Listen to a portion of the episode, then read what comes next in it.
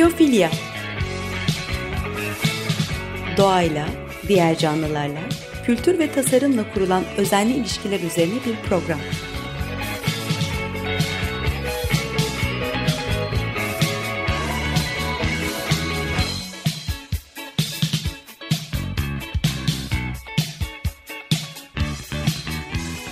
Hazırlayan ve sunan Nurhan Healer.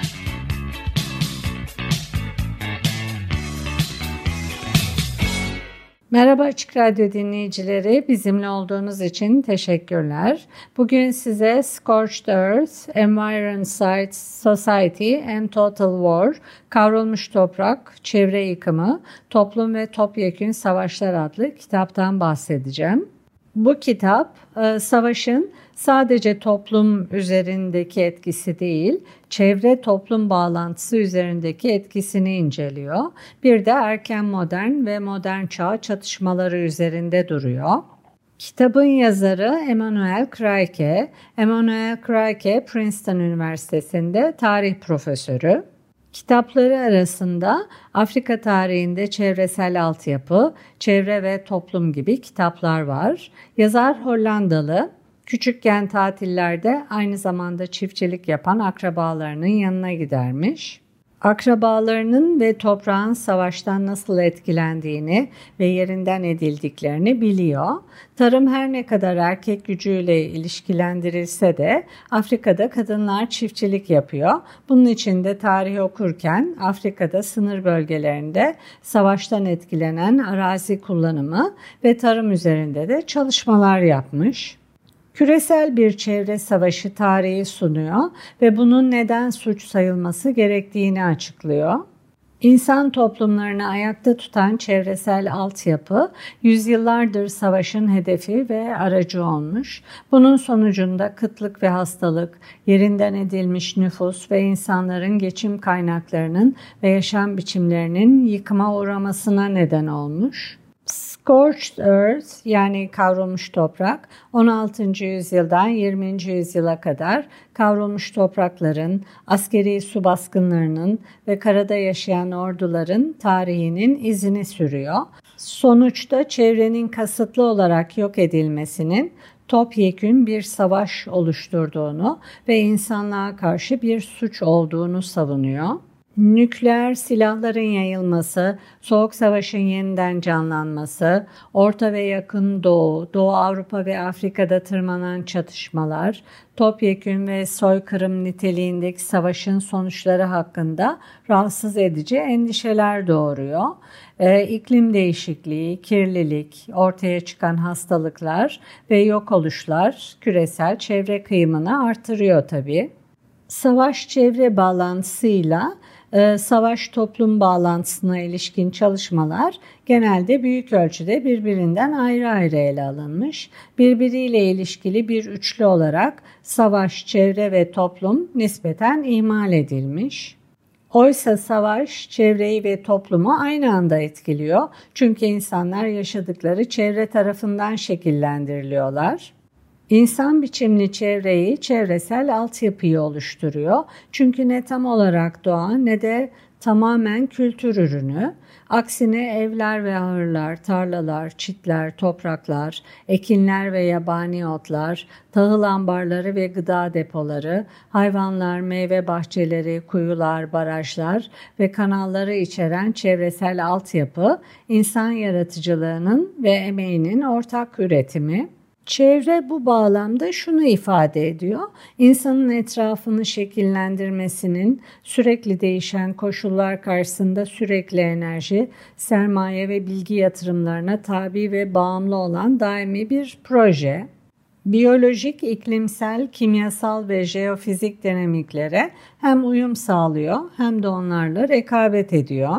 Savaş çevreyi kesintiye uğratıp toplumların insan kaynaklı ve doğal afetlere karşı savunmasızlığını artırıyor. Çevre kıyımı e, sürekli ve kümülatif şiddet yoluyla çevresel altyapıya kasıtlı veya kasıtsız olarak zarar vermek, yok etmek veya erişilemez hale getirmekten oluşuyor. Mahşerin dört atlısı sık sık birlikte at sürüyorlar yani. Doğrudan evleri, tarlaları, meyve bahçelerini, yiyecek ve tohum depolarını, rezervuarları ve barajları yok ederek veya dolaylı olarak nüfusun yerinden edilmesi yoluyla bir rakibin çevresel altyapısını hedeflemek, geçim kaynaklarını ve yaşam biçimlerini baltalayarak bir toplumun savunmasızlığını artırdığı için çevre kıyımı oluşturuyor kuraklığa ve hastalığa, salgın hastalıklara ve kıtlıklara yol açıyor. Çevre kıyımı tipik olarak topyekün bir savaş olarak kendisini gösteriyor. Çünkü insan toplulukları ve onların çevresel altyapıları aynı anda savaşın nesnesi, öznesi ve e, aracı haline geliyorlar. Muhalifler asker ve işçi toplayarak savaş için mevcut tüm askeri ve sivil kaynakları seferber ediyorlar. Savaş vergileri, haraçlar toplanıyor. Yiyecek, hayvan ve barınak talepleri oluyor ve düpedüz yağmalamalar da gerçekleşiyor. Modern öncesi ve modern dönem devlet başkanları, generaller ve askerler yalnızca boş devlet topraklarına ve çevresine savaş açmadılar. Bunun yerine etrafı canlandıran, dolduran ve zenginleştiren şeyler için savaş verdiler nüfusları, devletleri ve orduları besleyen çevresel altyapıydı bunlar. Savaşanlar, savaşmayanlar çevresel altyapının yoksun bırakılmasını yasalaştırmış oldu ve bundan etkilendi. Bu kitabın dört ana argümanı bölümü var. Kitabın birinci bölümünde savaşın çevre toplum bağlantısı üzerindeki etkisini, savaşan tarafların çevresel altyapıya nasıl bağımlı olduklarını, bunları nasıl hedef aldıklarını ve silahlandırdıklarını vurguluyor. Ordular ve askerler etkili bir şekilde çevresel savaş yürüterek kırsal geçim kaynaklarını ve yaşam biçimlerini zayıflatıp yok ediyorlar. İkinci bölüm çevre yıkımının hem soykırımdan hem de çevre tahribatından nasıl türetildiğini ve onlardan nasıl farklı olduğunu açıklıyor. Ekolojik katliam uluslararası hukukta belirsiz bir hukuki statüye sahip doğaya karşı hain bir eylem olarak kabul ediliyor. Çevresel katliam, kitlesel şiddetin aynı anda hem çevreyi hem de toplumu nasıl etkilediğinin altını çiziyor. Çevresel savaş insanlığa ve doğaya karşı bir suç. Üçüncü bölüm kitlesel şiddete kimlerin karıştığı ve etkilerine odaklanıyor. Kitlesel şiddetle ilgili literatür tipik olarak aktif failleri ve pasif kurbanları tanımlıyor. Ancak bu kitapta tartışılan savaş pratikleri faillerin ve kurbanların çok daha dinamik bir şekilde yeniden konumlandırılmasını öneriyor. Dördüncü bölüm ise çevre katliamının neden topyekün bir savaş oluşturduğunu açıklıyor bir grubun çevresel altyapısını bir savaş konusu, nesnesi ve aracı olarak ele alıyor. Tüm nüfusun kuraklığa, beslenmeye, açlığa, susuzluğa, yırtıcı hayvanlara, vebalara ve zararlara karşı savunmasızlığını artırarak toplu katliam riskini taşıyor. Her bölüm çevre katliamı ve diğer kitlesel şiddet biçimlerinin farklı dönemlerde ve bölgelerde nasıl uygulandığının ve deneyimlendiğinin örnekleriyle dolu. 1970'ler ve 1980'lerde Güneydoğu Asya'da portakal gazının serpintileri ve Soğuk Savaş'ın küresel tırmanışıyla körüklenen nükleer, biyolojik ve kimyasal soykırımla ilgili endişeler savaşın çevre ve insan sağlığı üzerindeki doğrudan yıkıcı etkisine dikkat çekmişti.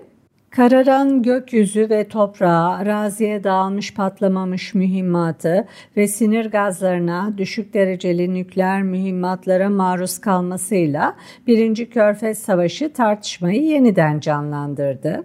Çatışmalarda ormanlar gibi çevresel kaynakların yakılıp kavrulması gibi taktikler sonucunda yok edilmesi e, ve Birinci Dünya Savaşı Flanders ve Kuzey Fransa savaş alanlarındaki kraterli ay benzeri manzaralar savaşın çevre ve toplum üzerindeki yıkıcı etkisini aslında dramatik bir şekilde gösteriyordu.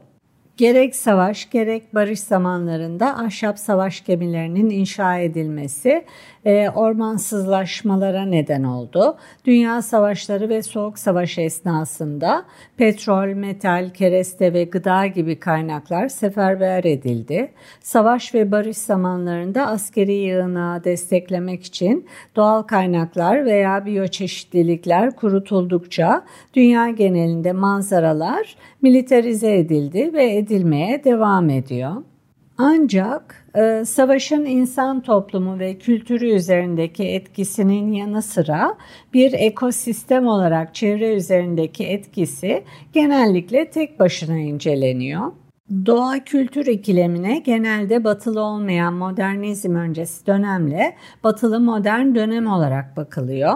Büyük ölçüde doğa içinde yaşadıkları varsayılan modern öncesi ve batılı olmayan toplumların evcilleştirilmemiş doğanın kaprislerine karşı oldukça savunmasız oldukları düşünülüyor.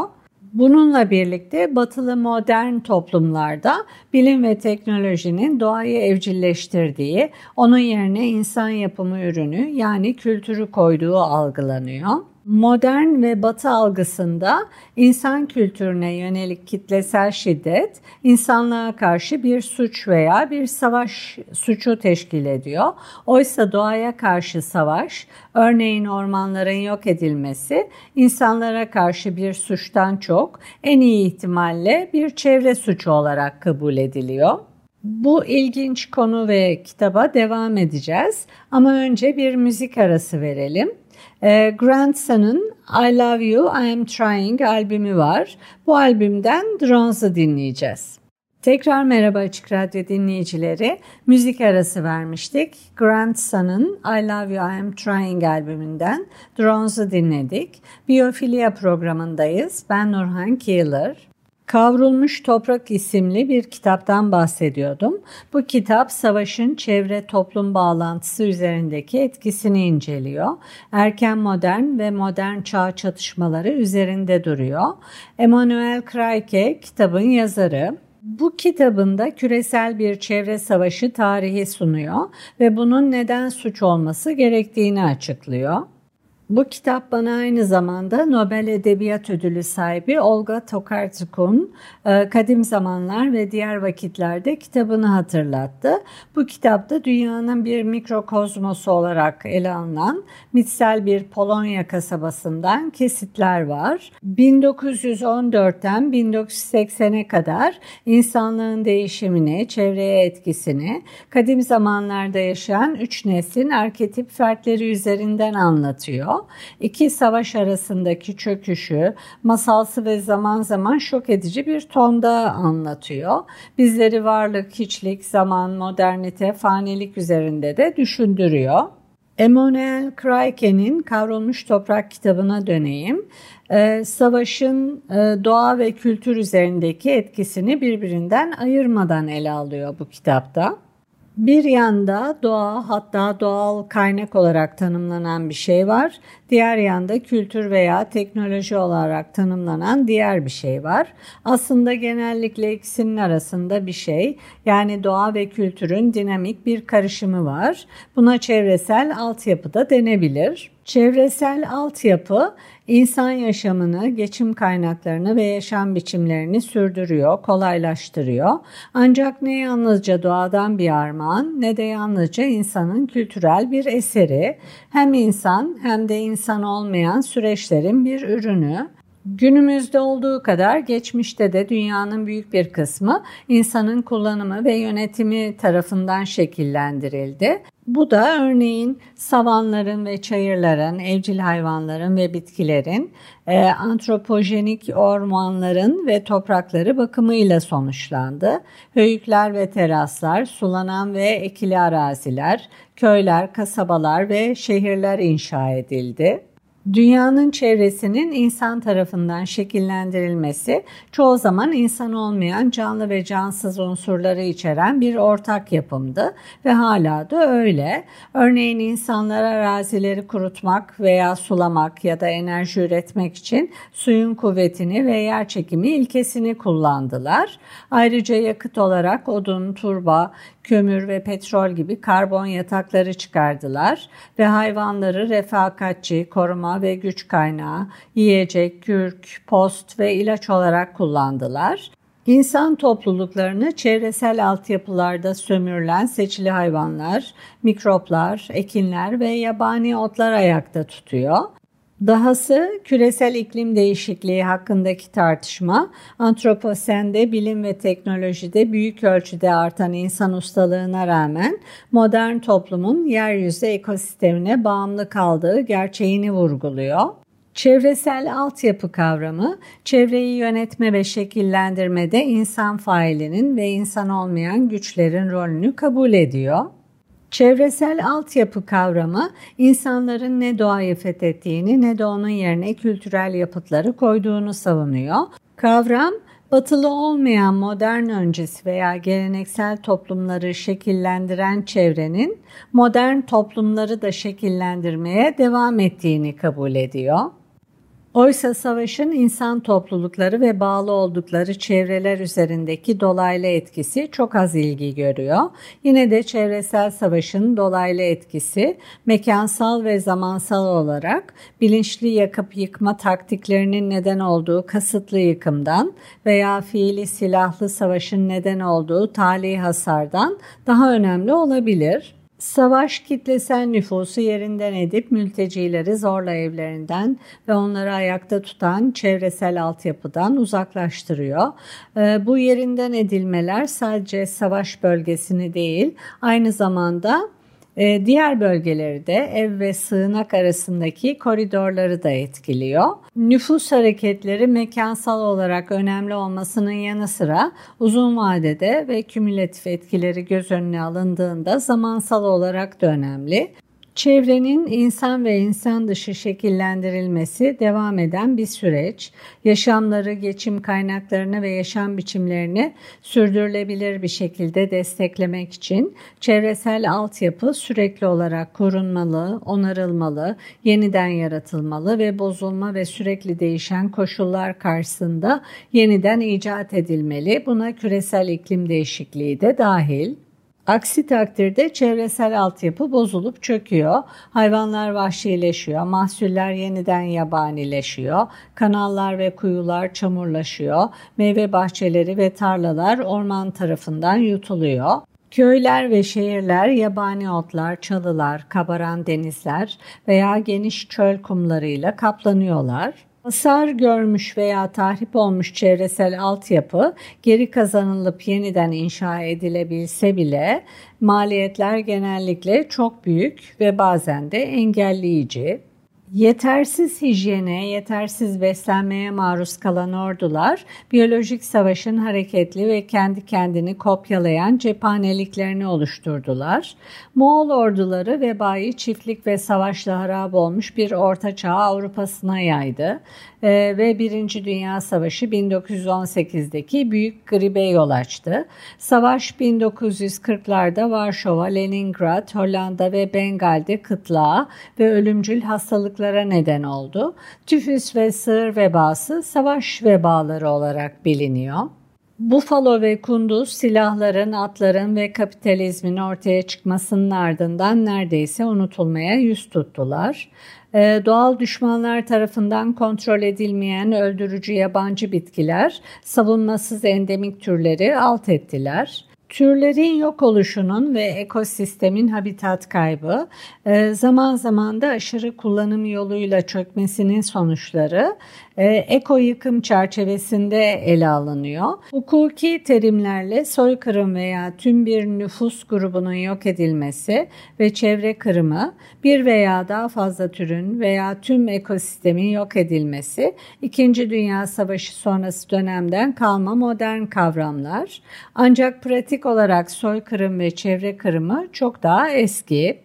Soykırım için önemli bir yasal gereklilik bir grubu yok etme niyetinin kanıtı. İnsani vahşeti kasıtlı çevresel yıkımdan ayıran bir bakış açısı en iyi ihtimalle dolaylı soykırım olarak kabul edilmeli. Çevresel altyapının kasıtlı olarak yok edilmesi veya buna bağlı bir nüfusun yerinden edilmesi, bir nüfusu beslenme ve barınmadan yoksun bırakmak, fiziksel yıkımına yol açacak şekilde kasıtlı hesaplanan yaşam koşulları dayatırsa soykırım teşkil edebilir. Çevresel yıkım bir nüfusun önceden tasarlanmış fiziksel imhasını gerçekleştirmek için yalnızca bir araç. İnsan toplumlarını ayakta tutan çevresel altyapı yüzyıllardır savaşın hedefi ve aracı olmuş. Bunun sonucunda kıtlık ve hastalık, yerinden edilmiş nüfus ve insanların geçim kaynaklarının, yaşam biçimlerinin yıkıma uğramasına neden olmuş. Kavrulmuş Toprak kitabı çevrenin kasıtlı olarak yok edilmesinin çevre kıyımı topyekün bir savaş oluşturduğunu ve insanlığa karşı bir suç olduğunu savunuyor. Kitapla ilgili son olarak da şunu söyleyeyim. Ee, çevre kırımı veya soy kırımın neden ayrı olgular olmadığını ve uluslararası hukukun neden çevre savaşını bir insan hakları ihlali olarak kabul etmesi gerektiğini açıklıyor. Evet bir programın daha sonuna geldik. Açık Radyo Prodüksiyon ekibine edit için teşekkürler. Sizlere de Açık Radyo ve Biyofilia'yı dinlediğiniz için teşekkür ederiz. Bir sonraki programda görüşmek üzere. Hoşçakalın.